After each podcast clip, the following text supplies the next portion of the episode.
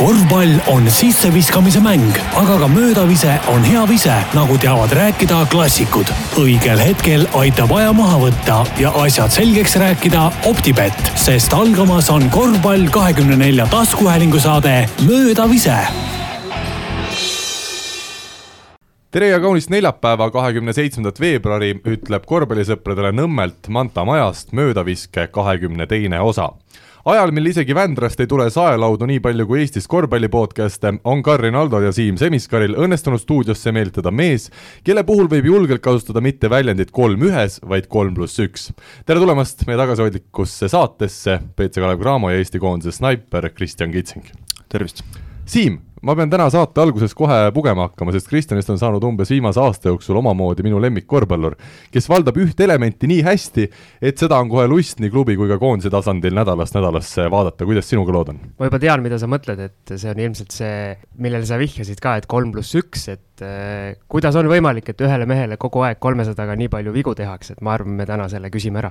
ma arvan, et see moodustab umbes pool meie saatest täna, nii et äh,, nii et jõuab sellest kindlasti rääkida, aga tänase saate oleme siis üles ehitanud sedasi, et esimeses osas räägime Kristjani korvpalluriks sirgumise loo, siis tuleme Kalev Cramo juurde ja viimases osas peatume siis Eesti koondise esimestel mängudel Jukka Toiala käe all.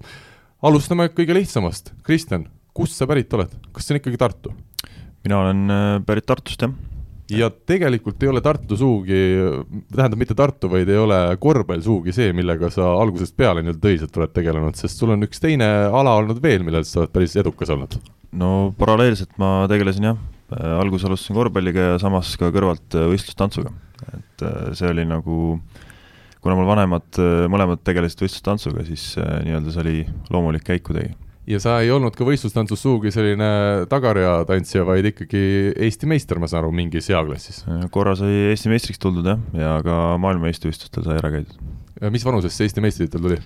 see oli neliteist, viisteist, siis võistlustantsus on see nii-öelda juunior kaks vanusklass. kui ma ei eksi, siis kunagine kalevlane ja Eesti koondislane Marek Noormets tegi täpselt äh, sama nii-öelda karjäärikäigu, et oled sa kursis, oled sa temaga nagu suhelt sel teemal? olen ka kursis ja ta oli ka minu ema tantsupartner vot nii mõnusad kokkusattumused. Eesti on, on pisikene ikkagi ja tead, ma sain kohe alguses kinnituse, et kui Priit Leismetsaga siin enne sai räägitud, äh, Siim tähendab rääkis, siis Siim üt-, või see Leismets ütles, et äh, kui tuleb kitsing külla, et siis on kümneminutiline saade. et ei ole midagi nii, Kristjan oskab rääkida küll. räägime sellest võistlustantsukarjäärist, kas see oli miski, mis sulle endale ka väga väga meeldis või oli see ikkagi vanemate poolt ka natukene peale surutud? ei olnud surutud, et äh, alguses oli täitsa meeldiv, noh, seal ütleme, see pärast seda juunior kahe nagu vanust oligi niisugune võib-olla ea poole pealt ka nagu siis sai nagu küllalt, et äh, hakkas nagu korvpall rohkem meeldima, aga enne seda väga meeldis mõlemat teha.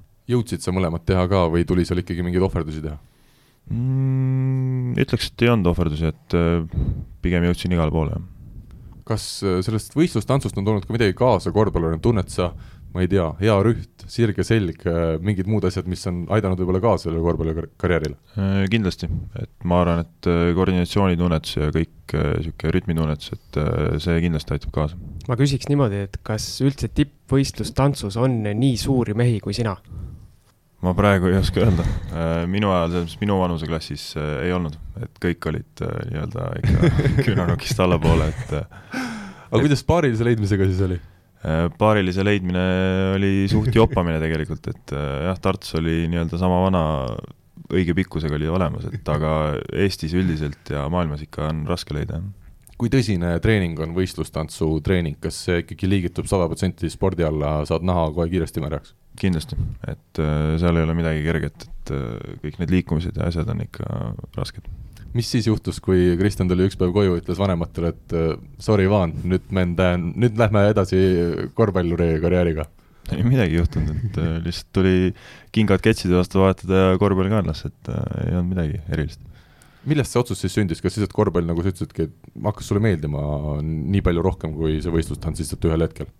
Nojah, et äh, ma tegin neid äh, asju nagu paralleelselt ja, ja ütleme, tollel hetkel siis neliteist, viisteist hakkas nagu korvpall nagu rohkem nii-öelda pilti jooksma, et et ots-, otsus oli suhteliselt lihtne. oled sa pidanud kunagi seda kahetsema ka?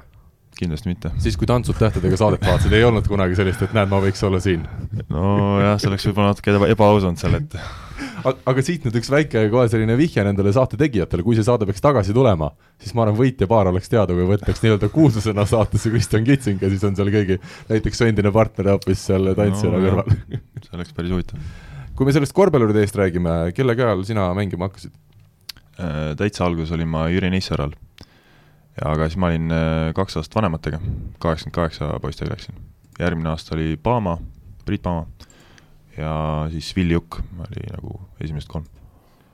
Eesti koondis tol hetkel, Kullamäed, Kuusmaad, Müürsepad, see oli eriline aeg, me Siimuga olime ka ikkagi siis suhteliselt noored mehed ja, ja kogesime seda, kas sinul oli ka selline selge eeskuju või, või iidol tollel ajal, olgu siis Eestist või, või kuskilt välismaalt?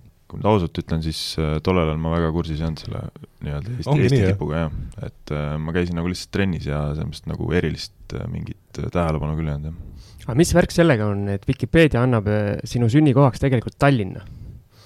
vot seda ma ei oska kommenteerida. kas see on eksimus, et sina oled ikka põline Tartu mees? mina olen põline Tartu mees, ikka Tartus sündinud. ehk siis, ehk siis meie kuulajad, kes äh, nii-öelda Vikipeediat seal mudivad, et tehke see viga korda. see on ka korvpalli korvpallikommentaatorite puhul kindlasti tasub märkida, et üldiselt kui eeltööd tehakse, siis seda Vikipeediat võetakse kui viimast tõde, aga tuleb välja, et alati nii ei ole. no aga läheme edasi selle korvpalluri teega, kas sa tegelikult meistriliiga debüüdi tegid vist kahe tuhande kaheksandal aastal, kui basketi info peab paika, ehk siis sa oled ikkagi meistriliigas mänginud tänaseks juba vaata sedasi kaksteist, kolmteist hooaega, et suhteliselt varas ikkagi sinna meistriliigasse ka juba pääsesid võib küll olla jah, et äh, Tartu, ma ei tea, kas ta oli Tartu Rock oli vist või? vist võis veel olla, jah. võis olla et, et nende ridades ma tegin jah, et äh, minu arust oli Valga mäng isegi, kui ma õigesti mäletan. kes Tartu treener tol hetkel oli? Gerde vist oli äkki või? jah, Gerde. on sul meeles ka need esimesed treeningud, esimesed mängud meistriliigas, kuidas, kuidas Gerde ja kuidas meeskonnakaaslased sind vastu võtsid? no vastu võtsid hästi, endal oli niisugune korralik värin sees, et see noorteklass on ikka hoopis teine asi, et eks ikka tahtsid kohe õnnestuda ja, ja, ja noh, vastu võeti hästi, jah. aga tol hetkel, kas Eesti meistriliiga või see sammu tegemine, kas see oli sinu jaoks midagi sellist erilist, mida oodata ja oli see nagu suur asi? kindlasti oli suur asi, jah, et äh, kõik need nii-öelda kuulsustega treeningutele minek, et see oli nagu noore poisi jaoks oli ikka korralik õhin, et äh, ja esimene mäng ka, et äh, oli väga eriline. aga kes sul seal noorte, noorteklassi kaaslastest Tartust äh, veel tippkorvpalli jõudis? Mm, Joonas Järvelainen on üks. aga kui me seda esimest hooaega meistriliigas veel meenutame, siis äh, kes need nii-öelda kuulsused olid, kes seal trennis siis kõige eredamalt silma jäid? no Tonoka Perd oli seal kohe, kellega no,, kellega ma seal treeningul kesk, keskjooneviskeid, jah ja, temaga oli kõvasti madistamist seal. ja muidugi noh, Tartu igipõlised mehed, Marek Toronin ja nii et võib öelda, et tänu sellele, et kunagi ikkagi Danopka-suguse venna kõrval sa said korvpallust võistlust, võitlust harjutada, on tänasel päeval VTB ühisliigas see, see asi selge, et võid ka nelja ja viie peal mängida edukalt no,, et see kõik algas sealt juba. mingid liigutused on kindlasti sealt pärit, jah. aga kuidas selline nii-öelda vana ja kogenud mees nagu Danoka sind vastu võttis, et üritas igas trennis nii-öelda haneks tõmmata või võttis oma, oma tiiva alla kuidagi või? kusjuures ta võttis jah, Tivalla üritas nagu mind äh, kõvasti õpetada ja suunata, et äh, aga samas jällegi nii-öelda teatud olukordades äh, tõmbas nii-öelda anneks, et et see oli päris, päris äge, äge aeg oli. oled talle hiljem mingi jõulukaardi ka saatnud tänudega, et näed, et ma olen nüüd ka jõudnud kuskile ei ole.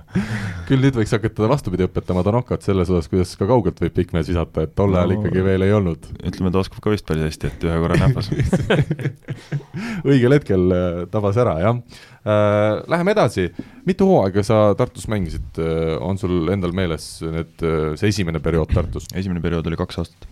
Ja, ja kas siis ikkagi see, ütleme, sinu mängija olemus oli hoopis midagi muud kui tänasel päeval, kui täna sul on selge roll nii-öelda kaugviskajana, siis toona, kas sa mäletad, mis see, mis see oli, mida treenerid sinult ootasid?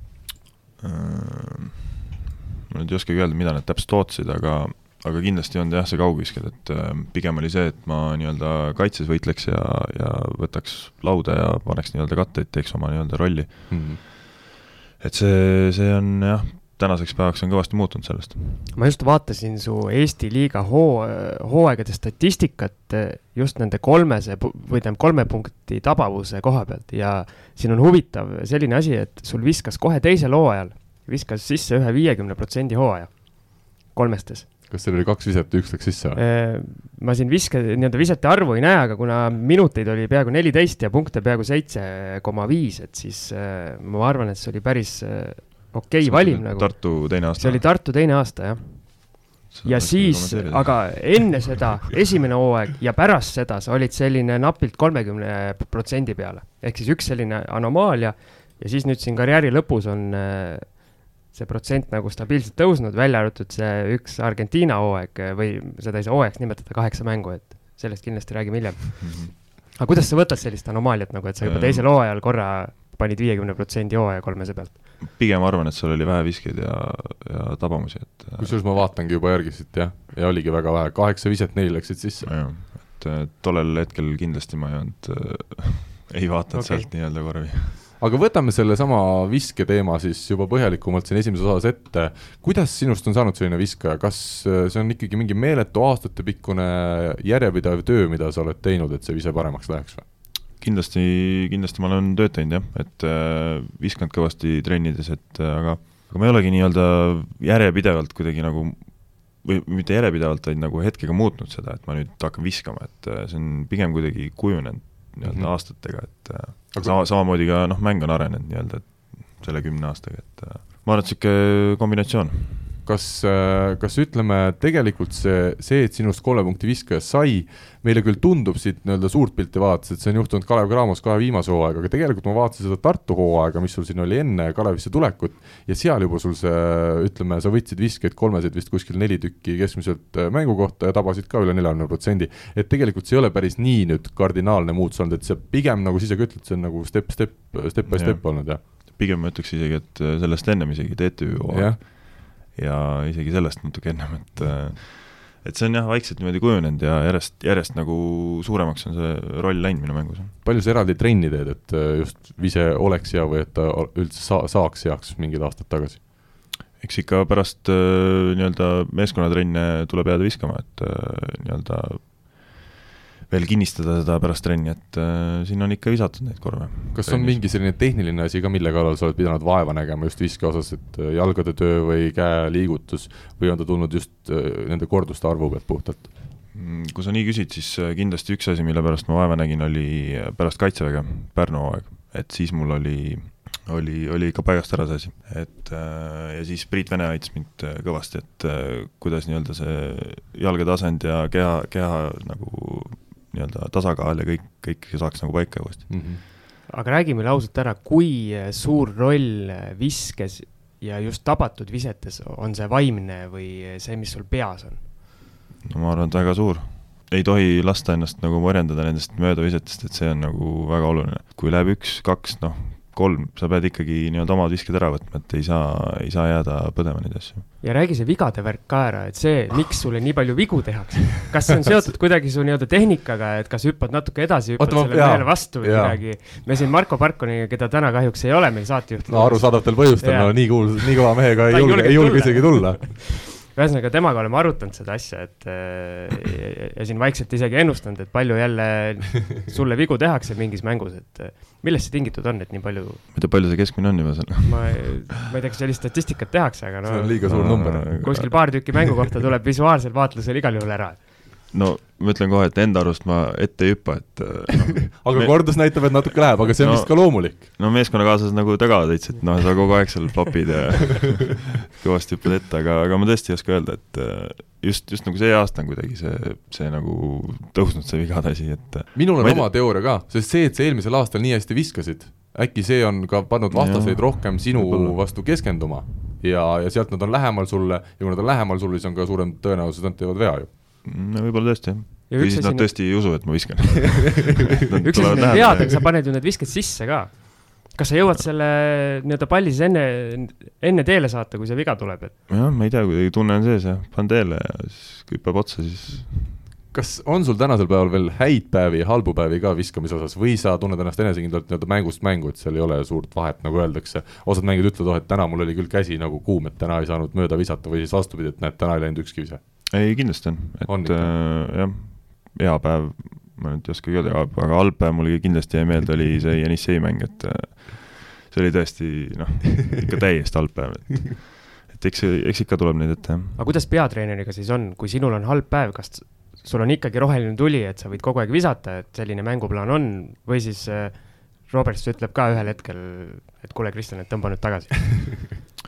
Äh, tagasitõmbamist ta ei ole veel ütlenud, et noh, kuna roll nagu meeskonnas on ikkagi mul nagu visata, et äh, noh, omad visked tuleb ära võtta, et kui sa oled vaba, siis sa pead panema, et seda ei saa niimoodi edasi lükata. aga ma olen pahandada küll saanud, et miks sa ei viska niipidi ikkagi, jah? kohe pärast seda Jenissei mängu CSKA mängus ma paar korda ei võtnud videt, siis ma sain pahandada, et miks sa ei viska väga hea, Äh, mulle tundub, et kuna meil saate teine osa natukene klapib ka selle esimese osa lõpuga, siis teeme siia vahele ära küsimusmängu ja siis läheme sujuvalt juba edasi. Küsimusmängu toetaja on teamshield.com oma disainiga spordi ja vaba aja riided. Siim, annan sõna sulle, meil on eelmise nädala eelmise korra küsimusmäng siis teada ja, ja vastused ja vastajad ja kõik muu ka. Eelmises saates oli meil külas siis äh, Kristjani meeskonnakaaslane Martin Paasoja. Ja rääkisime temaga ka natukene kergejõustikust, ehk siis äh, ringleb Eesti korvpallis see jutt, et Martin Poos-, Paasoja on kergejõustiku taustaga. tohib, ma räägin ühe loo siia vahele ära?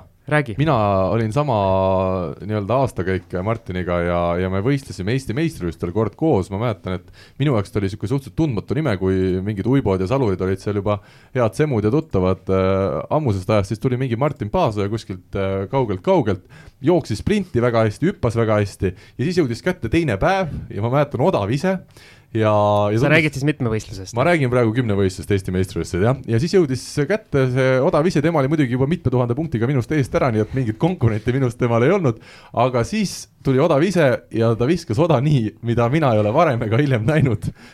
Ta viskas õiget pidi küll selle teele, aga oda kukkus valepidi maha ja jäi ka maha mina ei olnud sellist asja tõesti varem näinud ja, ja me ka, ka naersime seal minu arust isegi Martiniga koos, et, et see oli, see oli üks huvitav moment ja seda muidugi ära kahjuks ei loeta sellist asjad, kus valepidi läheb maga-, aga ilmselgelt see korvpallitehnika ei aidanud kaasa tol hetkel sellele eh, odaviskele, ometi ta lõpuks mingi tulemuse kirja sai ja oli ikkagi lõpuks ka minust veel palju-palju ees. ma saan aru, et sinul olid nii-öelda ambitsioonid saada kergejõustiklased, aga ütleme siis nii, et Martin ise ütles, et tema ei nõustu selle kergejõustiku taustaga, kuna tema kuskil trennis kunagi ei käinud, et tema käiski ainult kuskil võistlemas ja ei saa öelda, et ja, kergejõustiku taustaga. ja siis olid minusugused vennad, kes käisid viisteist aastat trennis ja jäid mitu tuhat punkti maha sihukestele meestele. aga jõuame nüüd küsimuse juurde ja küsisimegi Martin Paasoja hea nii-öelda sprindikiiruse kohta, et tema mitteametlik saja meetri jooksurekord reeglitega lubatust võimsama taganttuulega oli päris äh, võimas number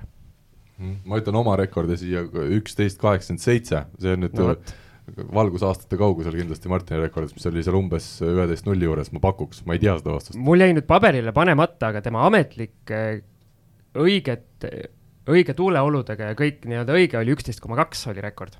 aga mis oli Paasoja mitteametlik saja meetri jooksurekord, mis sina arvad, Kristjan? mitteametlik on siis, sa mõtled lubatus äh, tugevama tuulega või? lubatus tugevama tuulega ja ma nüüd ei julge öelda, aga minu meelest oli ka nii-öelda käsiajaga. ma ei tea, üksteist äkki? ma, see kümme pool siis kuskil või?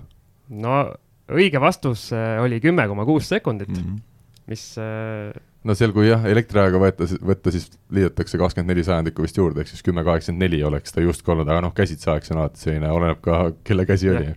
kellegi käsi värises võib-olla varem kinni selle aja ja aga kiired oli jah, seda ma mäletan ka väga hästi. igal juhul jah, et ma arvan, kõik, mis on alla üheteist sekundi võib juba pidada ikka väga heaks ajaks. no toome võrdluseks, et Maicel Uibo ikkagi tiitlivõistlusel reeglina jookseb üle üheteist sekundi sadat meetrit ja tegu on maailma ühe parema kümnevõistlejaga. meil tuli päris palju pakkumisi sinna kümne koma kaheksa ja kümne koma üheksa sekundi juurde ja kõige optimistlikum pakkumine tuli kümme koma kaks, millega vist siis sai vale hääle valitud, oleks see õige olnud aga üks inimene suutis pakkuda ka täpselt selle kümme koma kuus, mille me loeme õigeks, kuna Martin ise meile sellise numbri välja käis. kuskil äh, annaalides seda kirjas ei ole, ehk siis guugeldamine seekord ei aidanud. pidigi olema nii-öelda väga hea nii Martini kui ka kergejõustikutundja. ja naljakas oli nüüd see, et õige numbri suutis välja pakkuda mees, kelle nimi, nimi on samuti Martin võimalik, et tegemist on Paasoja endaga, et ta nagu ei tahtnud, et jääks päris vastamata see asi. aga loodame, et see nii päris ei ole. igatahes äh, Martin saab meie käest äh, Teamsildi erilahendusega korvpalli kakskümmend neli särgi. nii, väga hea. ja uus küsimus.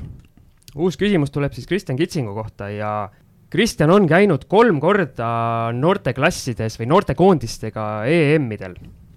ja meie küsime vähemalt kolme mängijat, kes koondise kaaslastest on jõudnud ka hiljem meestekoondisesse lisaks siis Martin Kitsi-, vabandust, Kristjan Kitsingule. Martineid oli nii palju, et. ja info, et korvpalli kakskümmend neli punkt ee ja korvpalli kahekümne nelja Facebooki lehe sõnumid on need kohad, kuhu vastuseid saab saata ja kui see on kõik, siis meie läheme edasi saate teise põhiosa juurde. küsimusmängu toetaja on teamshield.com oma disainiga spordi- ja vaba aja riided Siim, enne kui me läheme Kalev Cramo aegade juurde, siis äh, ma saan aru, et sind ikkagi paelub veel üks, üks riik ja üks teema, mida sa tahaksid Kristjaniga täna kindlasti arutada. jah, hooaeg kaks tuhat kuusteist, seitseteist juhtus selline asi, et äh, esimest ja seni viimast korda läks Eesti korvpallur mängima Argentiina meistriliigasse. räägi, Kristjan, kuidas see juhtus? See juhtus lihtsalt, et tuli pakkumine ja kirjutasin lepingule alla. kuidas Argentiina meeskond leiab äh, Eesti mängija? no eks ma arvan, et kuidagi agendi mingite partnerite kaudu see toimus, et äh, noh, tollel hetkel mul oli eesmärk lihtsalt nagu minna kuhugi, et äh, selline pakkumine tuli ja tundus huvitav nagu katsumus ja, ja mõtlesin, et võtan vastu. ja sul oli see TTÜ hooaeg algus, sa mm, -hmm. ma vaatan statistikat, panid keskmiselt kuusteist koma kuus punkti ja kuus koma viis lauapalli, et äh, nende numbrite pealt ilmselt oli sind hea müüa, eks, aga kui nüüd, äh, ma eeldan, et sa siis ootasid pakkumisi kuskil, võib-olla kuskilt Kesk-Euroopast ja, ja niimoodi, ja kui tuli see Argentiina asi, et kaua sa mõtlesid mm,? ma ütlen, väga kaua ei mõtelnud tegelikult, et äh, noh, nagu ma ütlesin, mul oli lihtsalt tahtmine kuhugi minna ja, ja, ja see tundus huvitav variant, et äh, ennast proovile panna, et äh, ei, ei olnud raske, raske otsus. Meeskonna nimi siis äh, oli Estudiantes Concordia ja lõpuks jäi sul seal kirja kaheksa mängu. ma saan aru, et äh, ükski treeneritest seal inglise keelt ei rääkinud ja ei. sa jäid eh, justkui nagu üksikule saarele natukene seal, jah? põhimõtteliselt küll, jah. kas ülejäänud olid kõik siis argentiinlased või? kõik olid, tähendab, seal oli Hispaania keelt rääkivad? jah, et seal oli muidugi Ameerikast ka mängijad, aga, aga noh, nemad olid nagu nii-öelda e-, eelmisest hooajast olid nii-öelda heas listis juba. Mina olin see uustulnuk seal, pidin kõvasti võitlema, et äh, jah, meeskonnas põhimõtteliselt äh, kui nüüd ameeriklased välja arvata, siis rääkis inglise keelt äh, poolteist äh, meest äh,, treenerid ei rääkinud sõnagi. et äh, see oli jah, see katsumus osutus veel, veel suuremaks katsumuseks kuidas sa siis hakkama said, kas käte-jalgadega selgitati kõik asjad ära? põhimõtteliselt küll jah, et äh, time-out nii-öelda räägiti ära, siis äh, enne platsile minekut veel tehti lühikokkuvõte mulle noh aga põhimõtteliselt vist see oli vähemalt hea, et kui sul on see laud käes treeneril, siis põhimõtteliselt ta saab aru, kui ta näitab sinu peale ja ütleb, et näed, sina oled siin nüüd äh, selle, selle paberi või asja peal, et, et siis ilmselt tuleb sinna liikuda. seda küll, see oli arusaadav. kuidas elu oli Argentiinas? väga teistsugune, et äh, sa olid suurlinnas või väikelinnas kuskil? see oli pigem väikelinn jah, et äh, ja suurem osa sellest tundus nagu niisugune Aguli moodi asi, et et seal oli niisugune üks nii-öelda kvartal oli, mis seal nagu tundus vähe kus vähe, kannatas käia, jah? kus kannatas nagu jalutada, et äh, ülejäänud oli niisugused hulkuvad koerad ja mingid ütid, et, et suht, suht niisugune jah. aga elupaik, milline sul oli? siis seal kuskil Agulis, koerte keskel? kaks nädalat ma elasin hotellis, et äh, siis otsiti mulle korterit seal, aga korter jah, lõpuks äh, kaks nädalat sain seal kuskil kvartali kõrval seal noh, no selle normaalse kvartali kõrval siis elada, et elukoht oli nagu enam-vähem. aga milline see Argentiina liiga kui selline oli? Ma ei oskagi nagu võrdlust tuua, noh. see on ju ikkagi jalgpalliriik. kui palju seal seda korvpalli vaadati või üldse räägiti sellest? ütleme, mängudel ikka inimesi käis kõvasti, et melu ja möll oli seal kõva, et, et ei saaks öelda, et seal nüüd tribüünid tühjad olid. et, et armastus nagu korvpalli vastu oli seal kindlasti olemas. ja siis väiksed Argentiina poisid tulid sinuga mingis võõras keeles rääkima ka kogu aeg? no vahepeal ikka tulid, jah kuidas sa mängijana sellega toime tuled, et sa ei saa aru, mis treenerid räägivad, sa ei saa aru, mis nad tahavad sust. mäng ka välja ei tule ilmselt nii-öelda nagu selle tõttu, et ei olegi kindlust, kuna sa ei tea, mida teha. kuidas sa toime tuled sellega? no eks ta raske oli, et äh, sihuke šokk oli kõva, et ma mõtlesin, et nüüd kas, kas nüüd välismaal ongi nüüd niimoodi nii käibki, jah et oled kogu aeg nagu küsimärgid silmade ees, et noh, mis nüüd toimub siis.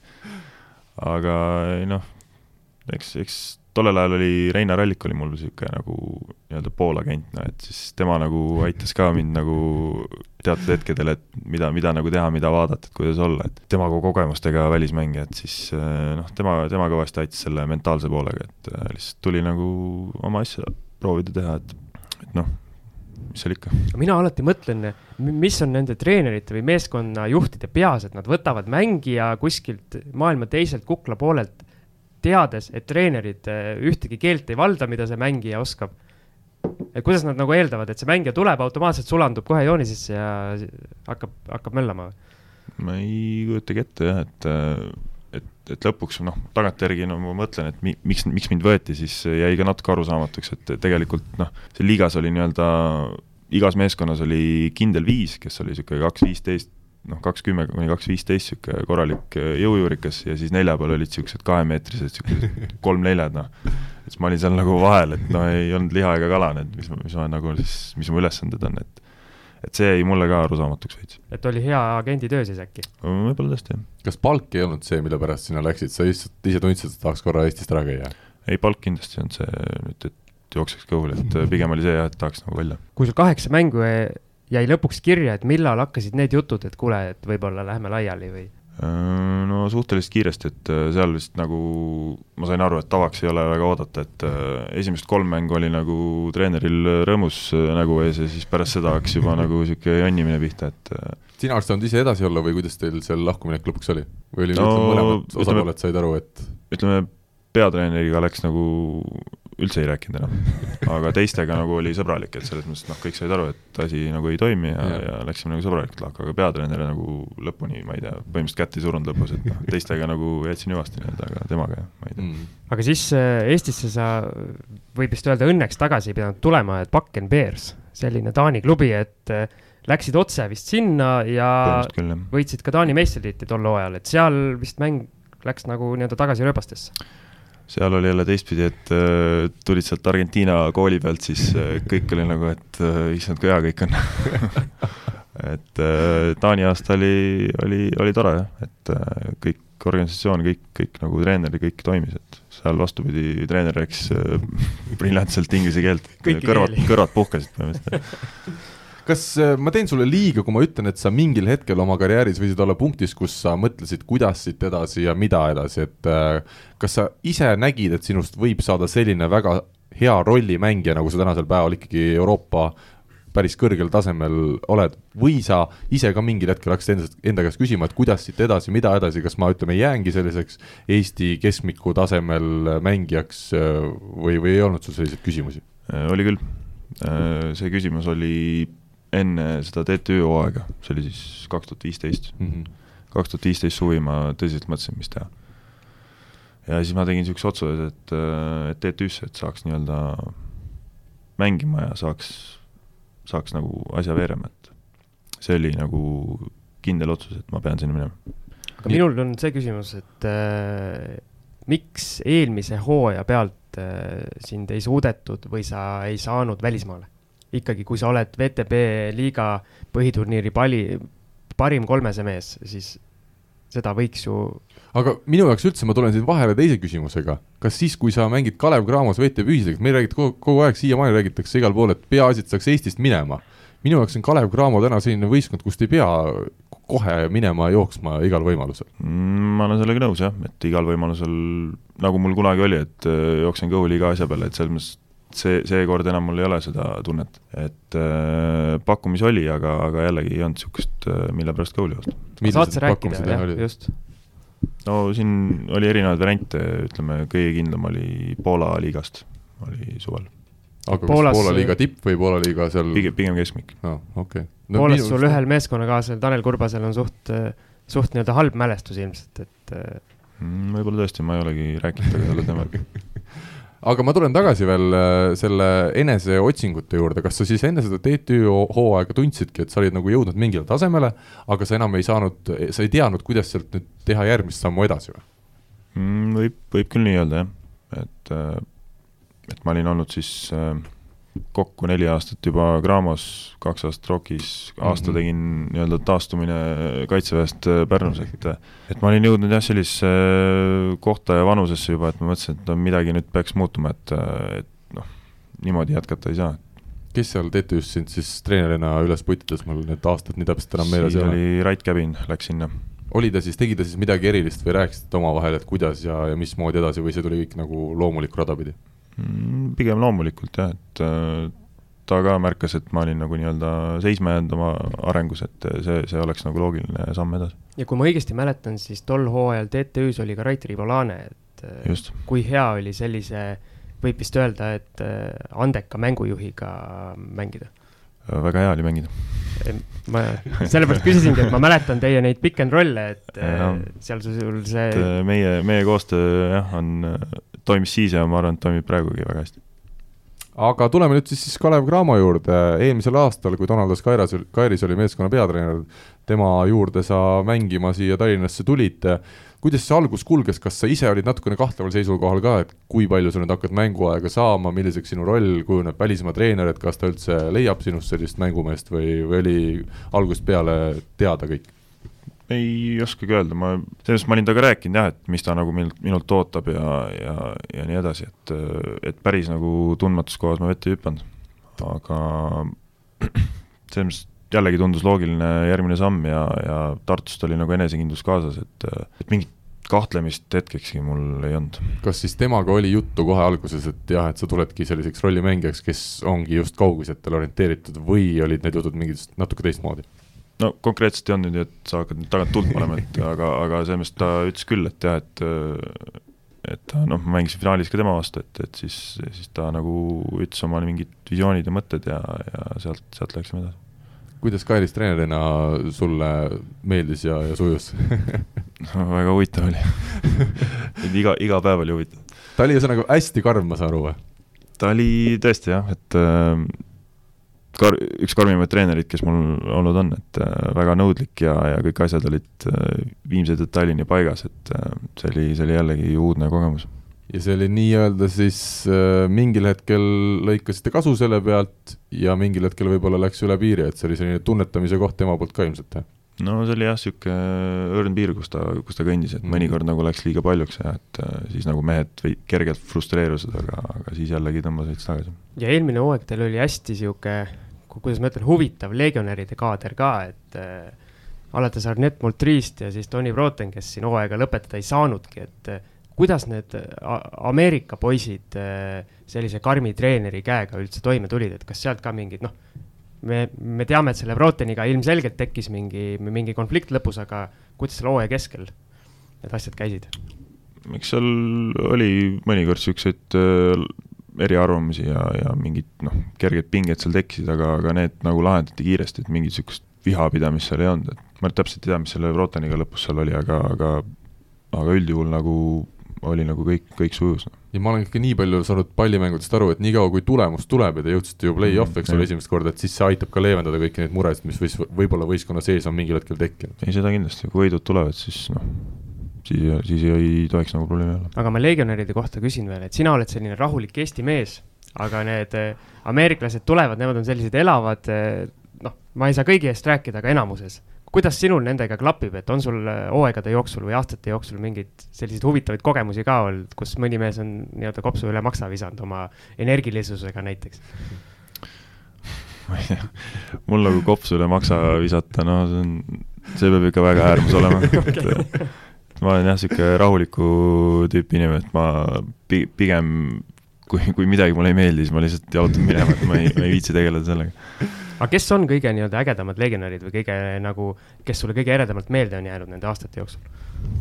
no Regi oli päris äh, värvikas kuju, et et äh, Regi Lynch siis, Regi Lynch jah, et äh, see, see oli tõesti noh, otse, otse kolledžist ja niisugune ikka korralik tatu noh kas minule kui ütleme, suhteliselt korvpalli kaugele inimesele oli see mulje õige, et tal ei olnud nagu vahet, et kuidas see kaitses, see mäng õnnestus, peaasi, saab ploki kirja, et ükskõik, kuidas see nagu edasi läheb või kasumlik see võistlane on. plokkidega oli tal jah mingi teema, et äh, põhimõtteliselt Euroopa parim plokimees jutu järgi oli kõva, jah. ütles ise, et on Euroopa no, parim plokimees? korra käis läbi, et ta arvas, et ta oli jah, Euroopas kõige kõvem. okei. ma mäletan, kui temaga sai intervjuud tehtud, kui ta hooaja alguses veel suhteliselt oli uus siin, siis ta ütles intervjuus ka otse välja, et ma mõtlesin, ma tulen siia, et ma olen kõige parem vend, et teised ei oska üldse mängida, siis ma sain aru, et siin meeskonnas on teised mängijad ka normaalsed.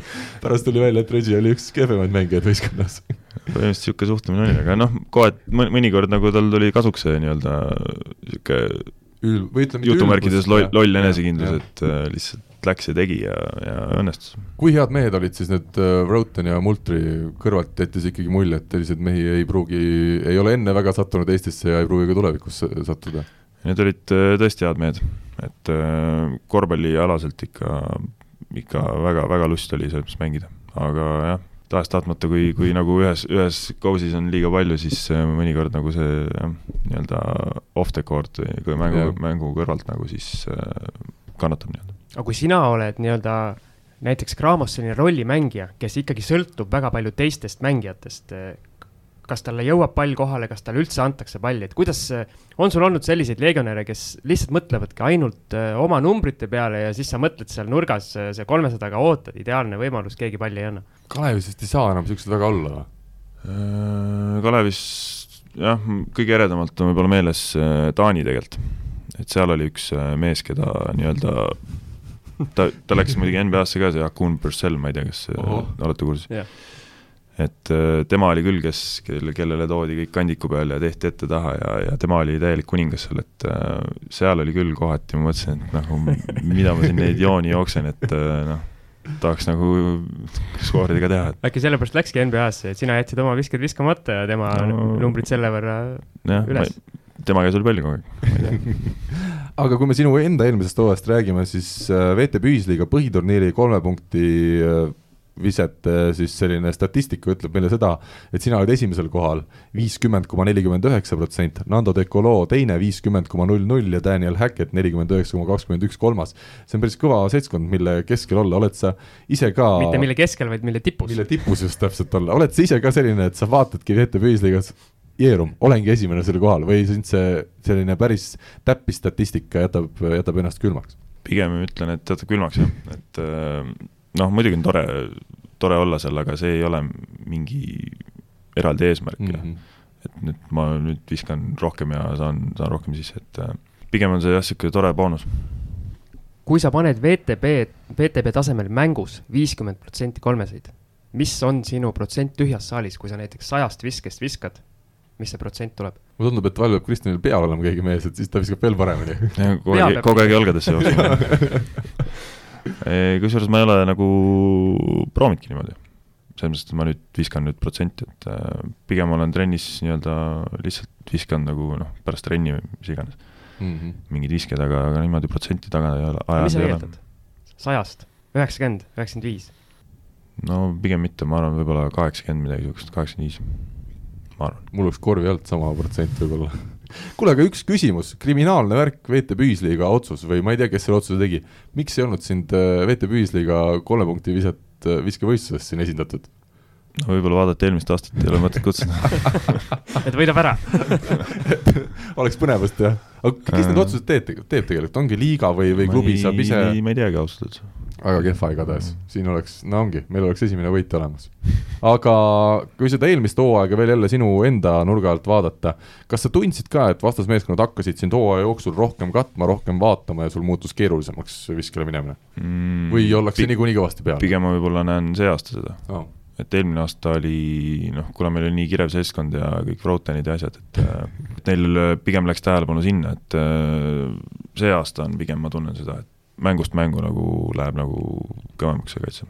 mina saalis olles alati, kui sina kolmese tabad, alati vaatan vastaste treenerit ja minu meelest üheksakümmend protsenti järgneb sealt selline reaktsioon, kus võib välja lugeda, et äh, ma ju rääkisin teile kogu aeg seda, et see mees viskab teine reaktsioon, mis mina panin nüüd äh, Saku Suurhallis Eesti-Itaalia mängu vaadates tähele, oli see, et kui Kristjan läks viskele ainsana ja siis olid korvpallisõpradel olid kolmes ja need näpud püsti juba siis, kui ta polnud veel viskele läinudki minu arust.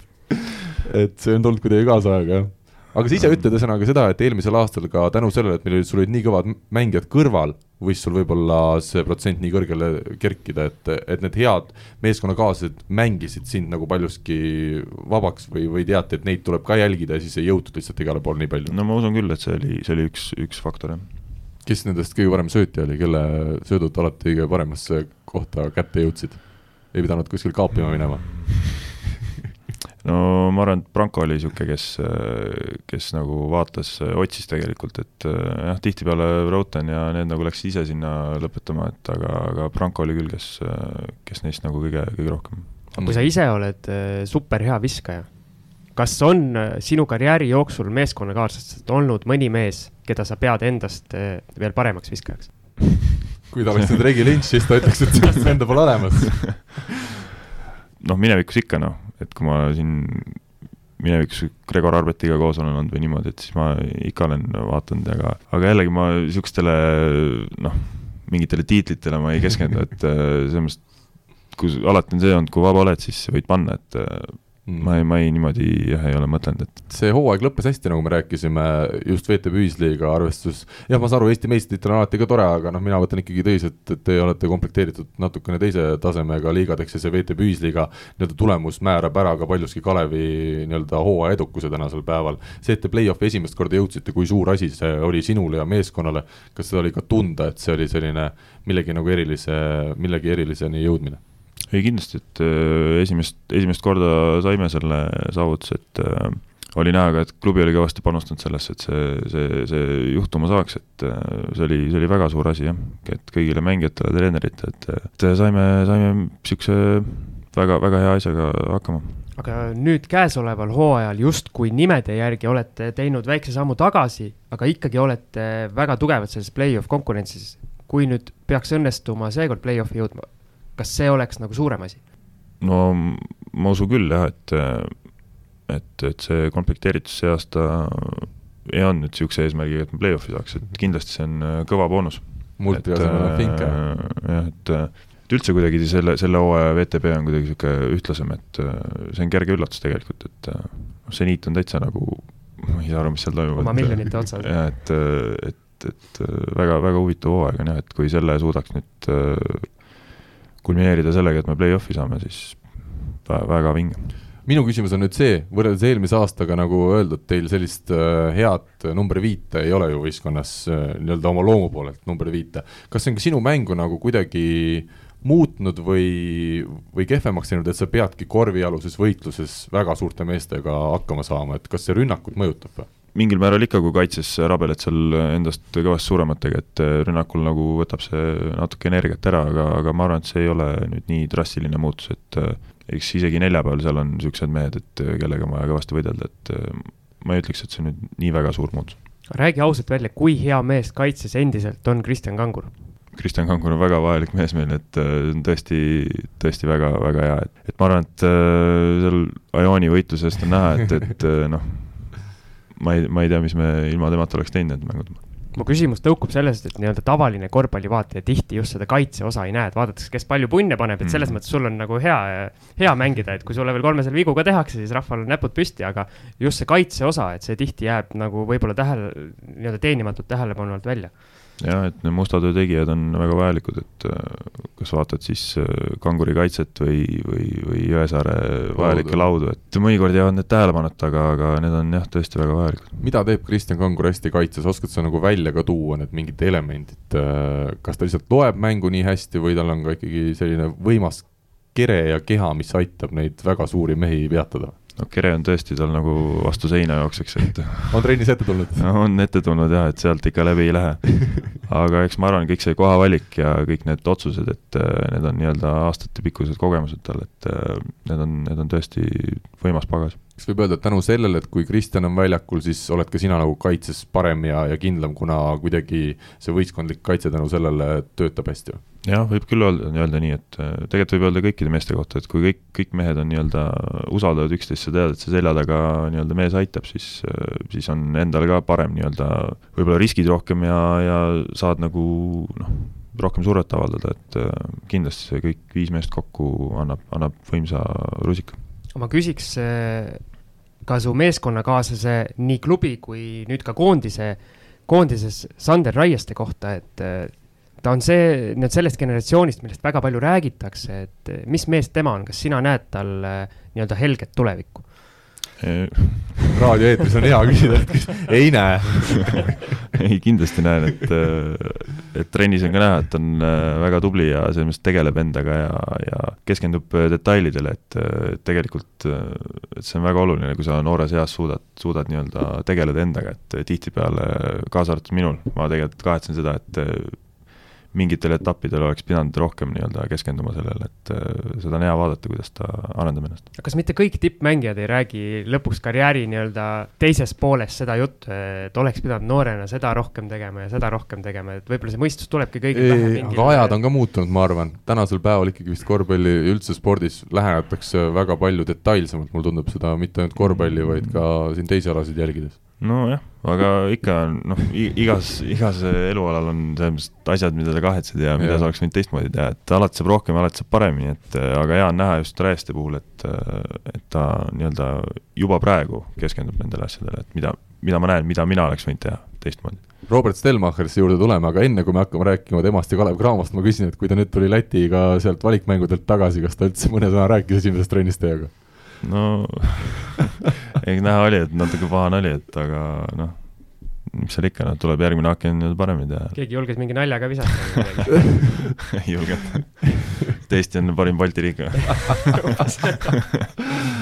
aga milline treener Roberts on, ma saan aru, et võrreldes Donald Skyrisega ta on küll äh, nii-öelda samamoodi väljaku ääres, karm ja tõsine, aga vabal hetkel on ta ikkagi nii-öelda natukene inimlikum, kui sellist sõna võib kasutada no ma arvan, et see on jah, hea iseloomustus, et nii-öelda sama karm, aga, aga just jah, et võib-olla vabam nagu, nagu off the court siis. mis tema mängulised sellised äh, põhisuunad on või mida sina nagu välja tooksid, millist mängu talle meeldib viljeleda või millist ta tahab viljeleda tuleb, tuleb kaitses ära võtta ja korvi visata, et see on nagu kõigi, kõigil treeneritel, et väga hea. et no kindlasti tal on noh, omad, omad nüansid ja, ja natuke teistmoodi kui Kairisel jälle, aga, aga noh, jällegi eesmärk on sama, et mm -hmm. teha meid võimalikult äh, tugevaks ja heaks, et, et äh, võita mänge. kas see mäng, mida Kalev mängib, see sulle endale nagu meeldib, et, äh, et noh, tundub ikkagi, et päris palju on ka skoorimisele üles ehitatud see, see mäng, et, et see on niisugune, mida mängijad nagu naudinguga teevad? no meie, meie mäng on, kuna meil niisugust viite ei ole, noh, et mõnikord kipub nagu liiga kaare taha jääma see, aga, aga üldjuhul jah, et me pigem, pigem nagu skoorime kaugelt, et äh, mulle jah, sobib see skoorida kaugelt, aga jah, tihtipeale me võib-olla liiga, liiga jääme seal kaare taha seda käsipalli mängima, et aga, aga jah, üritame ikka korvi alla ka saada. ja selle Kalev Cramo saate osa lõpetuseks ma küsin sult, äh, kas sina oleksid täna sellisel tasemel, nagu sa oled, kui Kalev Cramo sugust võistkonda Eestis täna ei oleks? Ma arvan, et mitte jah, et äh, Kalev Cramo on Eesti korvpallis väga, väga suur osa, et äh, ilma, ilma selleta ma ei teagi, milline see pilt siin oleks, et äh, kindlasti kehvem oleks. selge, aga läheme saate viimase osa juurde.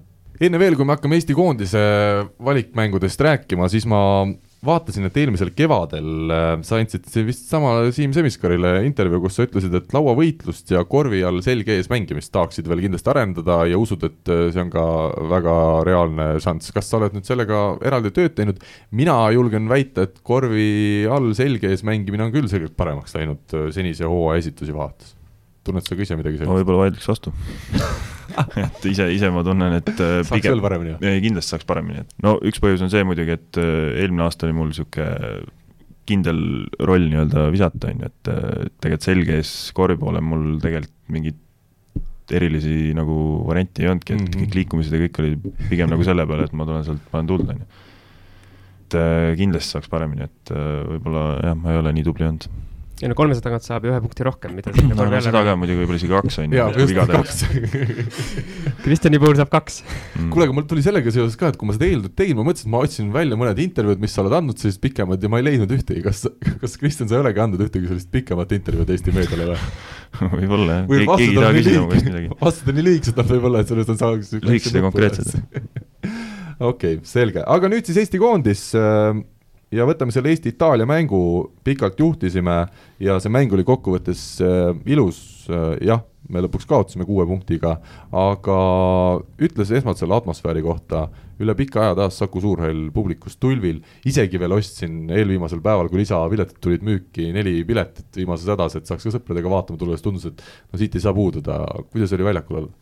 ei, see on äh, alati võimas tunne, et kui saal on täis ja, ja rahvas karjub Eesti, Eesti, et äh, see on väga, väga võimas, et see annab tõesti noh, reaalselt annab kuuenda mehe sinna, et mm -hmm. et see on alati, alati võimas. mille taha see mäng lõpuks läks, mis seal ütleme siis viimasel veerandil või ütleme teisel poolel laiemalt äh, meile saatuslikuks sai? no üks, üks faktor kindlasti oli väsimus, et äh, tunda oli, näha oli, et selles mõttes, mingit niisugused otsused, mida me võib-olla Makedoonias ei teinud või siis, või siis mängu alguses ei teinud, et need nagu olid valed otsused.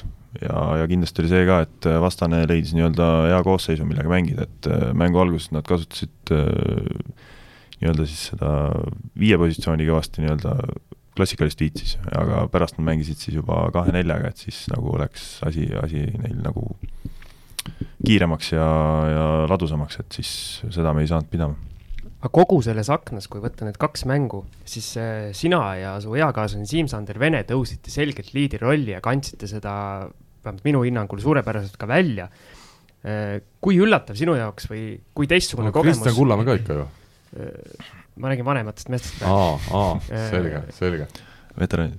jaa, kui üllatav sinu jaoks see oli, et ühel hetkel nüüd, kui sa koondisesse läksid, oled sina see nii-öelda vanake, kelle otsa need noored vaatavad, et mis me nüüd teeme oli üldse sellist asja või? ma ei tea, kas nüüd minu otsa vaadatakse aga no see põlvkondade vahetus on siin, ma ei tea, kaua kestnud juba siin, mis ajast siin hakati tooma neid noori ette.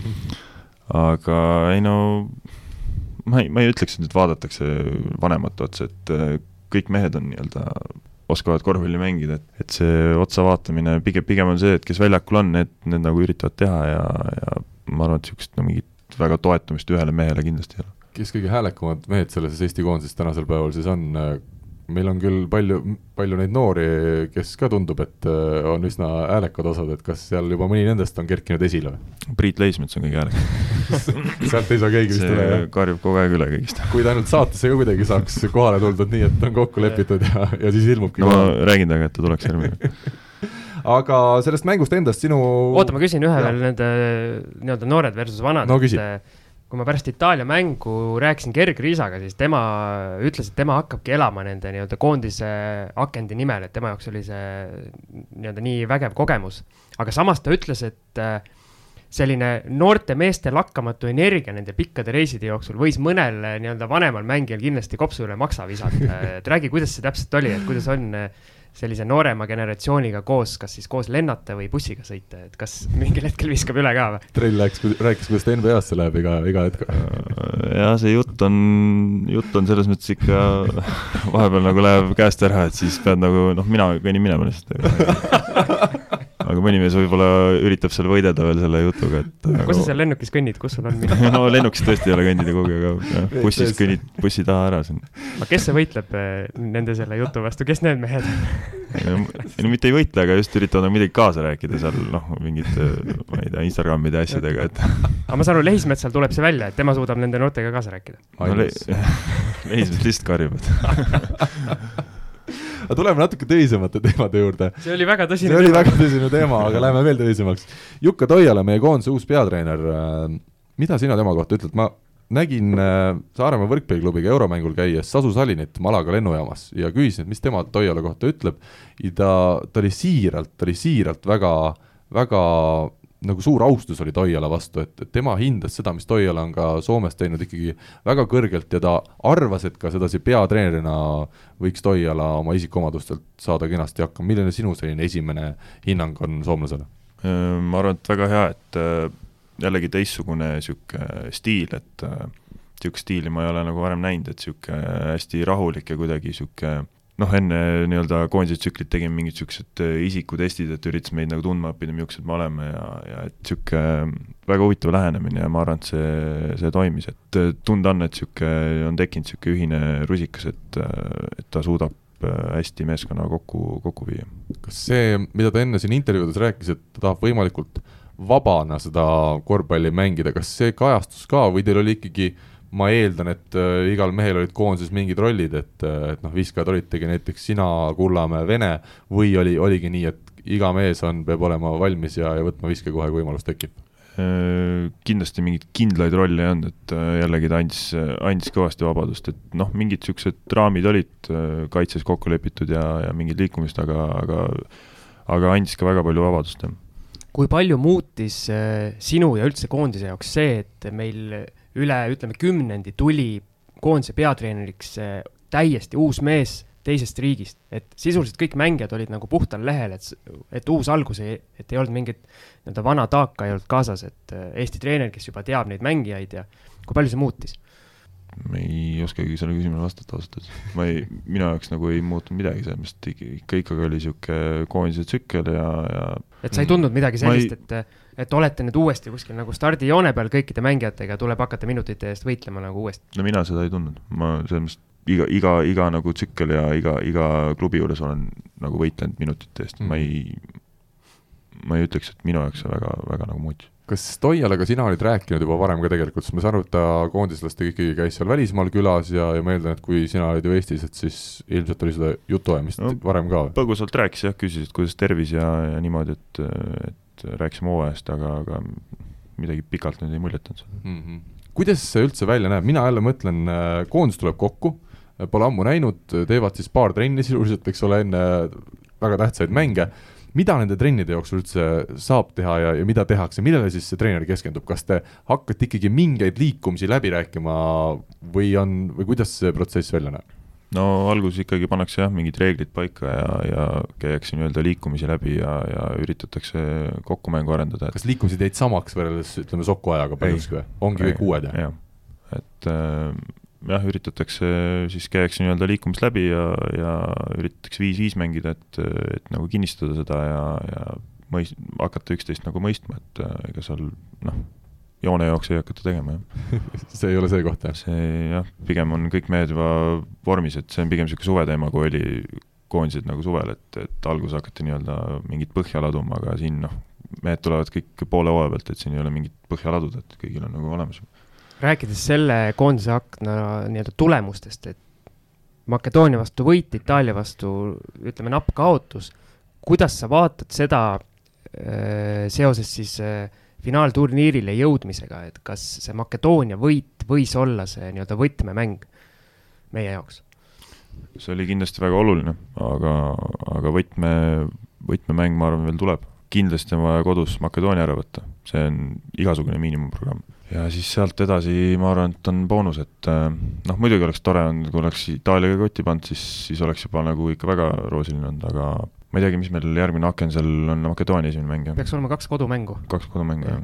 et äh, noh, Makedoonia kindlasti ära ja, ja siis ja Venemaa, Venemaa võib-olla jah no ma arvan, et Venemaa on ka hammustatav kindlasti. jaa, ja ma mõtlengi, Venemaal on ka täna see küsimus, et kui seal on need Euroliiga klubid, kes ja. siis ka ei saa tulla, siis Venemaa koondis ilma nende Euroliiga klubid, et ta on ikkagi hoopis teistsugune ja, ja ma usun ka, et täiesti no seda näitas ka Itaalia esimene mäng, et äh, ma ei tea, kas seal teises tuli keegi juurde ka vist, mingi Polonboi äkki või? Jaa, ma kuulsin, et keegi, aga ma ju ei anna pead, kes ja mis ja kus. see esimene mäng jah, oli mingil määral oli üllatav, aga mingil määral jällegi oligi nagu ette arvatav, et see, see Venemaa koondis ei koosne jah, niisugustest meestest, kes nagu seal väga teeks. aga kui palju sina oled mõelnud selles plaanis, et see on ikkagi selle koondise jaoks, ma eeldan ka, väga reaalne võimalus jõuda EM-finaal, finaalturniirile ja sina nii-öelda nooremaks enam ei jää, eks et äh, tundub küll. kas on nagu, kas on nagu selline mingi pinge ka, et äh, võiks ikkagi selle asja ära teha, et äh, kakskümmend, kakskümmend üks mängida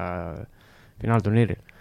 jah, kindlasti, kindlasti tahaks ja, ja võiks, et ja meil on väga suure, suurepärane võimalus seda teha. et tuleb, tuleb lihtsalt võtta mäng korraga ja, ja anda lihtsalt parim, et ma arvan, et siis on kõik võimalik. aga kuidas sa seda süsteemi hindad, et see Itaalia on nagu, nagu selles mõttes jokker, et neil on täitsa ükskõik, nad võivad panna meie, nagu meie vastu käis, võivad panna kuueteistaastased väljakule, mingit, mingit muret ei ole, nemad on igal juhul edasi, aga kõik need tulemused, mis nende vastu tehakse, lähevad nagu arvesse, et igas aknas nad võivad ju täiesti erineva koosseisu tuua, mis siis tähendab ka on nad siis tugevamad või nõrgemad? nojah, see võib nii ja naa olla, et, et kui nad võidavad meie konkurente, siis on tore, on ju, aga kui nad tõesti hakkavad seal mingeid ära andma, siis, siis on muidugi jama, et aga miskipärast kahtlen, et nad hakkavad ära andma, et ma arvan, et see Itaalia uhkus ei luba neil seda. Räägime veel nendest viimastest mängudest, Kristjan Kullamäe Makedoonia vastu kolmkümmend üks punkti ja kodus Itaalia vastu seitseteist punkti. Kui see kolmkümmend pluss äh, pidu sai seal Makedoonias püsti pandud, kuidas meeskond reageeris, äh, kuidagi mind er eraldi pärast mängu embama ka või tehti mõni nali või grupikalli ei, ei väga, väga hea mängu tegi Kristjan, et äh, tõesti käsi oli kuum ja anna ainult minna, et kui noh, läheb, siis läheb, et ja kui tuleb veel võit ka, siis noh, pole midagi öelda, et väga-väga tore mäng oli. kes oli viimane mängija Eesti koondises, kes sedasi, sedasi sellise viskekäega meil oli ja seda stabiilselt näitas, minul ausalt öeldes hetkel ei tulegi, ei tulegi meelde nii, kas see oli juba, tuleb vaadata sinna Kuusma ja, ja Vana-Kullamäe aegadesse tagasi. on, on see hea tunne endal ka, kui ütleme, sa tead, meeskonnas on keegi sellise viskekäega mees, kes no, ilmselt ta halb ei ole. ei no mina mäletan ühte kontserti, ma mäletan kaks tuhat viisteist EM-finaalturniirilt Ukraina vastu, kus Arbet pani. Ja üks mäng, aga ma mõtlen sedasi stabiilselt. Ega vist ei tulegi praegu meelde. jääme vastuse no Kullamäe stabiilsus praegu on kaks mängu, et. Äh, no jah. no võib-olla jah, tagasi minnes ka. aga okei okay., aga võtame järgmise mehe, Siim-Sander Vene äh, tema seda liidrirolli kandmist oli, oli ka mõlemas mängus hästi näha, kakskümmend üks punkti ja, ja kuusteist punkti ütleme, kuidas sina nagu Siimu tänasel päeval näed, milline mängija ta on ja, ja kui hästi ta sinna just sellesse koondisesse sobib? sobib väga hästi kui seda küsida. aga ei, samamoodi väga, väga suur kogemuste pagas ja on mänginud kõrgel tasemel, et seda on, seda on kõike näha trennides, mängudes, et Eesti koondise jaoks väga vajalik mees, mitmekülgne ja, ja saab, suudab kõike teha väljakul, et väga, väga oluline lüli. aga kui me sellest veel koondise nimesid läbi võtame, minu jaoks oli Gerg Riisa esimeses mängus ei mänginud ja teine mäng küll visked väljakult viiest null ja nii imelik, kui seda ka öelda ei ole, siis minu arust oli teise mängu üks kõige suuremaid üllatajaid just Ger, kui kvaliteetselt tuli palliga üle, kui õigeaegselt ta need söödud edasi andis ja kui hästi ta kaitses tegutses, tal oli vist viis korvisöötu ja kaks vaheltlõiget. kui sa jälle Gerri paari sõnaga iseloomustaksid ka selle põhjal, mis sina nüüd ka treeningutel oled näinud ja milline tüüp ta on, siis mis sa ütleksid? No Kerili, Keri puhul on näha, et äh, on, on Žalgirises trenni teinud, et äh, näha on see enesekindlus ja näha on need äh, otsused, et, et siit on ainult üles minna, et tõesti noh, see on hea vaadata kohe. Ja mulle ka tundub just see, mis sa ka Kalevi puhul rääk-, Kalev Cramo puhul rääkisid, et no võtame kas või Jõesaare, et see Eesti koondis samuti hakkab nagu leidma oma nägu, võib-olla ma lähen juba liiga rõõmsaks siin oma juttudega, aga kui me vaatamegi, mingisugune Jõesaar on meil, eks ole, olemas, kes võtab väga hästi lauda, Gerg Riisa, kes tuleb väga hästi palliga üle, väga hästi kaitses hakib, sinusugused mehed, kes on valmis viskama, Kristjan Kullamäe täpselt samamoodi oma väga selgete selliste tugevustega, et sinna kokku nagu peale annab ehitada ühe, ühe päris hea meeskonna. Jah, ma olen sinuga täitsa nõus, et äh, igalühel on omad trumbid ja, ja nii-öelda nüüd on siis peatreeneri koht, kus nii-öelda kombineerida need äh, oskused. ma küsiks ühe, ühe noore mehe kohta veel, aga ma küsiks niimoodi, et sina justkui Eesti koondises astusid, võib öelda, Reinar Halliku saabastesse, et nii-öelda number neli, kes suurepäraselt viskab. jah, kas võiks olla Kaspar Treier, võiks olla see mees, kes äh, kunagi võtab sinu rolli üle ka, suur no, neli, kes väga hästi viskab. on tal see, need omadused olemas? Mis saabub mina maha, et Kristjan punastab. Ei no see, noh, ma ei oska seda kommenteerida, et äh, plätud maha. plätud. No ütleme mängustiililt, kas ta on äh, nii-öelda sinu, sinu sarnase mängustiiliga mees? pigem ma ütleks, et ta võib-olla isegi natuke rohkem vaatab selgkorvi poole ja asju, et kindlasti ta viskab hästi, aga, aga minu, minul on see viskamine, ma arvan, suurema kaaluga. et, et võib-olla tiba erinevad mängijad, aga, aga kindlasti samamoodi väga andekas ja, ja talendikas mängija. ma siis küsin nii, et kas tänapäeva korvpallis ilma viskamata üldse saab mängida, ükskõik mis positsioonil sa siis oled? no erandid no, kindlasti on. kindlasti erandid on, aga, aga viskamine on ikkagi jah, on üks, üks väga oluline osa, et äh, juba kui vastasmeeskond skautib sind, siis äh, noh, kui sa ei oska visata, siis selles mõttes sinu poolt saab aidata kaitses, et et see on tõesti oluline asi, mis, mis peaks olema. üks erand on vist Reggie Lynch, kes, kui sa oled Euroopa parim plokimees, siis ei pea viskama. Enda arust. aga üks nimi, kellest äh, ma siin kindlasti tahaksin veel rääkida, on ikkagi Henri Trell. ma tunnistan päris ausalt, ma kuulasin seda Kalev Kruusile antud intervjuud ja ja noh, see jutt, ma saan aru, noor mees ja ongi pea laiali otsas ja, ja enesekindel peabki olema ja see, milline tüüp inimene on, kas ta on selline Kristjan Kitsingulik, kes ütleb pigem, et ta ei ole üldse mingi mängumees või Henri Trell, kes on äh, homne päev NBA-s, et see on iga inimese iseloomu küsimus. aga, aga tahes-tahtmata, kui sa kuuled mängijat rääkimas enda puhul kogu aeg NBA plaanidest, siis see ootus ka minul nagu kerkis nende mängude eel päris kõrgele, et nüüd, nüüd Henry tuleb ja teeb, aga samas, kui me vaatasime, mida ta väljakul tegi, mis mulle ikkagi meelde jäi, okei okay,, see üks kolmene, mis ta võttis sealt eemalt, mina nagu ühe kolmese põhjal ei, ei teeks pikki ja suuri järeldusi, et, et tegu on nüüd väga tugeva mängumehega, aga kõik see muu, vaadates, kuidas ta tahtis meeletult ette võtta, aga kui palju ta eksis, kas kas, kas seal on see, ütleme, see NBA lähiaja idee, kas see on üldse aktuaalne või see ongi selline puhas jutt lihtsalt, minule tundub, et tal on nii palju veel tehniliselt äh, ja ka viske kallal tööd vaja teha enda kallal, et, et NBA-st me praegu ei, ei saa veel kuidagi rääkida. Äh, ma ei ole seda Kruusi podcast'i kuulanud, ma ütlen ausalt, et aga, aga enesekindlust tal äh, jagub ja, ja see on, see on ka väga oluline osa. Mm. -hmm ja olen ka nõus sellega, et tööd on vaja teha, et kõigil on vaja tööd teha, et sealt, sealt ei pääse keegi, et noh, NBA-d kommenteerida ma ei, ma ei oska et ei no ma ütlengi, et see on iga asi, iga mehe enda, mina võin ka öelda, et ma tahan NBA-sse minna, keegi ei saa öelda, et ma ei tohi seda öelda. Kui tal no, on selline eesmärk, see on väga õige, aga lihtsalt mulle tundub, et tänasel päeval lihtsalt seda tööd on veel nii palju teha just, just tehnilistelt omadustelt, et kui teda siin mingil hetkel on võrreldud näiteks Müürsepaga, siis minu arust, kui me vaatame täna Trelli, kes on siis Eesti järelkasvu koondises praegu ikkagi selge varumees, et noh, Müürsepp ikkagi, kui ta tuli, ta oli, ta oli kohe põhimees ja ta oli väga hea mees, et minu arust see Müürsepaga võrdlus on hetkel vähemalt äh, ei no olgem ausad, kui Müürsepp rääkis neid NBA jutte, siis äh, naerdi tema üle ka. oli jah? oli, oli. Mm.. siin Eestis on, on üldse see, et kui sa ütled, et ma lähen NBA-sse, siis noh, keegi ei usu. Mm.. ja noh, siiamaani õigustatult peamiselt. aga selle NBA koha pealt mina ütlen nii palju, et äh, see on natukene teistmoodi kui Euroopa tippkorvpall, et äh, sinna ei võeta alati valmis mängijaid uh, -huh. vaid võetaksegi eh, nii-öelda talente, kellest siis hakatakse voolima midagi, et. Eh, aga olge head, tooge mulle mingid siis siuksed asjad, mida teie näete trellis, et on kindlasti selline väga perspektiivikas, mis, mis on tema väga head omadused, ütleme on seal siis selline, kas see, ütleme, kere on juba üks asi, et tal on hästi, hästi pikk ja, ja pikad käed ja, liigub elastselt või mida teie välja tooksite praegu tema puhul, mis on see suur tugevus või suured tugevused peale selle enesekindluse? no need füüsilised äh, omadused jah, kindlasti on väga suureks plussiks tal, et mm -hmm. pikk ja käte sirud ulatus on tal ikka päris korralik, et äh, need on kindlasti NBA-s väga suureks plussiks, et see on, see on juba üks, üks asi, mille pärast valitakse sinna mm. -hmm minu jaoks Henri Trelli nii-öelda iseloomu peegeldab väga hästi see Makedoonias tehtud see üks-kolmene, kus eh, üsna olulisel hetkel eh, kiirrünnakust üksinda pidurduse pealt pani selle viske teele ja ja no tol hetkel tabas, aga see oli täpselt sihuke nii-öelda käsi kullas või see teine asi mullas vise, et eh, aga ma ei tea, Kristjan võib mind parandada, kui ma eksin, minu meelest Eesti koondises ei ole väga ammu sellist meest olnud, kes noh võib-olla võtabki selliseid viskeid, mida mingil hetkel ei tohiks võtta, aga sellist nii-öelda meest, kes on valmis äh, noh, kuidas ma ütlen, nii-öelda patuoinaks langema, et äh, kui ta nagu eksib.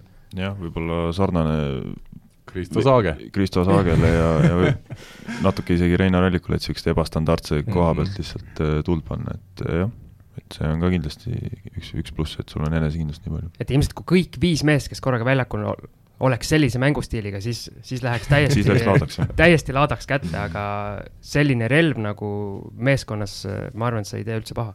kindlasti. aga mis me siis äh, kokkuvõtteks äh, ütleme, seda, et, äh, et hooaja teine pool on veel ees ootamas. mul on üks küsimus veel. sul on üks küsimus ja, veel? Küsimus ja mitte mulle, vaid Kristjanile? no mis ma sinu käest ikka küsin teatavasti on sul noorem vend Kaspar, kes on ka korvpallur, teil on üsna suur vanusevahe oskad sa mulle peast öelda? kümme pool. kümme pool aastat, nii. tema mängib meil Itaalias hetkel, Itaalia esiliigas, et kui palju sa tema tegemisi jälgid, kui palju te suhtlete? ma tean, et mina olen temaga suhelnud ja tema vaatab sind küll kui eeskuju, et kui palju sa teda nii-öelda aitad ja suunad? no ma üritan aidata ja suunata nii palju, kui ma oskan siit kaugelt, et äh, et äh, nüüd tal on niisugune esimene tõsine aasta, et äh, tuli sealt Trento noortesüsteemist ja nüüd Forlis nii-öelda esimene aasta on tal teatud kohustused ja, ja, ja ta peab nagu näitama ennast, et eks see ole niisugune sisseolemise aasta ja, ja saab nagu esimesed vitsad kätte ja, ja jäägi, tuleb, tuleb huvitav, huvitav karjäär tal kindlasti aga tundub, et iseloomult olete te ka üsna erinevad, et suur vanusevahe ja iseloomult erinevad, et tema on rohkem sihuke nii-öelda elavam persoon, jah? elav. küll Kristjan ka elab ikka, ma usun. ei, ta on jah, selles mõttes on ta tiba, tiba teistsugune, et, et mina olen nagu rohkem jah, võib-olla vaosaatim, et aga see Itaalia esiliiga, kui palju sellest tead, on see, on see nagu õige tase, kus olla? niisugusel noorel mängijal kindlasti, et nii palju, kui ma olen vaadanud neid mänge ja, ja siis käib seal ikka kõva andmine, et vaatasin isegi kahte mängu, kui ta Regi Linsi vastu mängis, et äh, mõlemad võitsid isegi ühe punktiga. tähtis ei ole see, kes võitis, tähtis on mitu plokki Lynch pani. Lynchi plokke ma ei näinud seal, jah. aga ei, hea vaadata jah, et see on kindlasti hea liiga, et, et samamoodi Rain Veidemann mängib seal, muidugi need mäng, oma vastu, omavahelist ei ole mänginud, seal on erinevates nendes divisjonides, aga. ma just mõtlesingi, et saatsid Raini nii-öelda vennale silma peal hoidma ja eks plaan on siis kunagi ikkagi koondises koos mängida? jah, see oleks, see oleks äh, päris, päris vahva, ma arvan, jah. mahutute samal hetkel väljakule ka või? et peab kaks palli äkki olema no ma ei tea, kui ta mulle söödab, siis ikka võib tulla, jah. ja, aga positsioonid on erinevad ju, tema on ju meil jaa, seda küll, jah. ta pigem mängib jah, ühest kolmeni ja, ja, ja. et selles mõttes mahuti ilusti mm. -hmm aga saate päris lõpetuseks ma ikkagi pean ühe tõsise teema ka kergitama üles.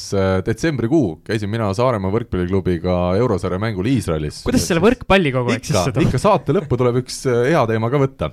ja, ja Rauno Tamme kes siis tuli välja, et oli sinul, kas ta oli lahingupartner või kuidas seal kaitseväes kaitseväes olime jah, ühes rühmas ja nii, ja kõik viskasid seal peale võrkpalliga ja siis Rauno ütleb, kuule, tee video ja pane üles, et ma saadan tervitusi, teil oli vist mingi, kas CSKA-ga mäng või mingi tähtis mäng oli ees ootamas, tegime selle video, panime üles ja siis, mis sealt vastu tuli, oli muidugi puhas kuld. peaosades Kristjan Kitsing, Priit Leismets ja kaamera taga vist Martin Torbek ja. ja see oli video, mis siis äh, õpetas võrkpalluritele, kuidas tegelikult võrkpalli mängida. kes ei ole näinud, kindlasti vaadake järele, aga, aga see, ütleme, filmitööstus on teil, ma saan aru, ikkagi igapäevane, et Torbek ja Leismets toodavad kulda, lihtsalt see kõik meediasse päris ei jõua, nii nagu see video Tor Torbek on tõesti kõva kaameramees, et, et see, see idee ja teostus sündis päris kiiresti vaatasime paar mängu, et äh, siis mõtlesime, et õpetame, kuidas need asjad tegelikult käivad. mulle meeldis eriti see ja sirgete jalgadega vastuvõtt ja selline, no ei no ilus oli, ilus oli see värk. ei, aga ütle siis, Karl, kas Eesti võrkpall on pärast seda muutunud ka nagu tehniliselt? jaa, ainult kehvemaks ühesõnaga, Kristjan, aitäh, et sa täna stuudiosse tulid ja saatesse tulid äh,. oli meeldiv näha siin enda vastas istumas ka Marko Parkani asemel vahepeal kedagi täiesti mõistlikku ja lubadus, ma saan aru, on siis see, et Priit Lehismetsa sa kuidagi toimetad meile siia saatesse no üritan eskordid kuidagi tuua ta siia. ma arvan, et see oleks, oleks tore küll äh,. aitäh sulle veel kord, palju jõudu-jaksu sulle hooaja teiseks äh, pooleks ja, ja loodetavasti ei jäänud see viimaseks korraks, kui sa mõnest sellisest toredast podcast'ist kaasa olid aitäh, aitäh kutsumast! ja meie kohtume kõigi kuulajatega uuesti nädala pärast. Kuulmiseni!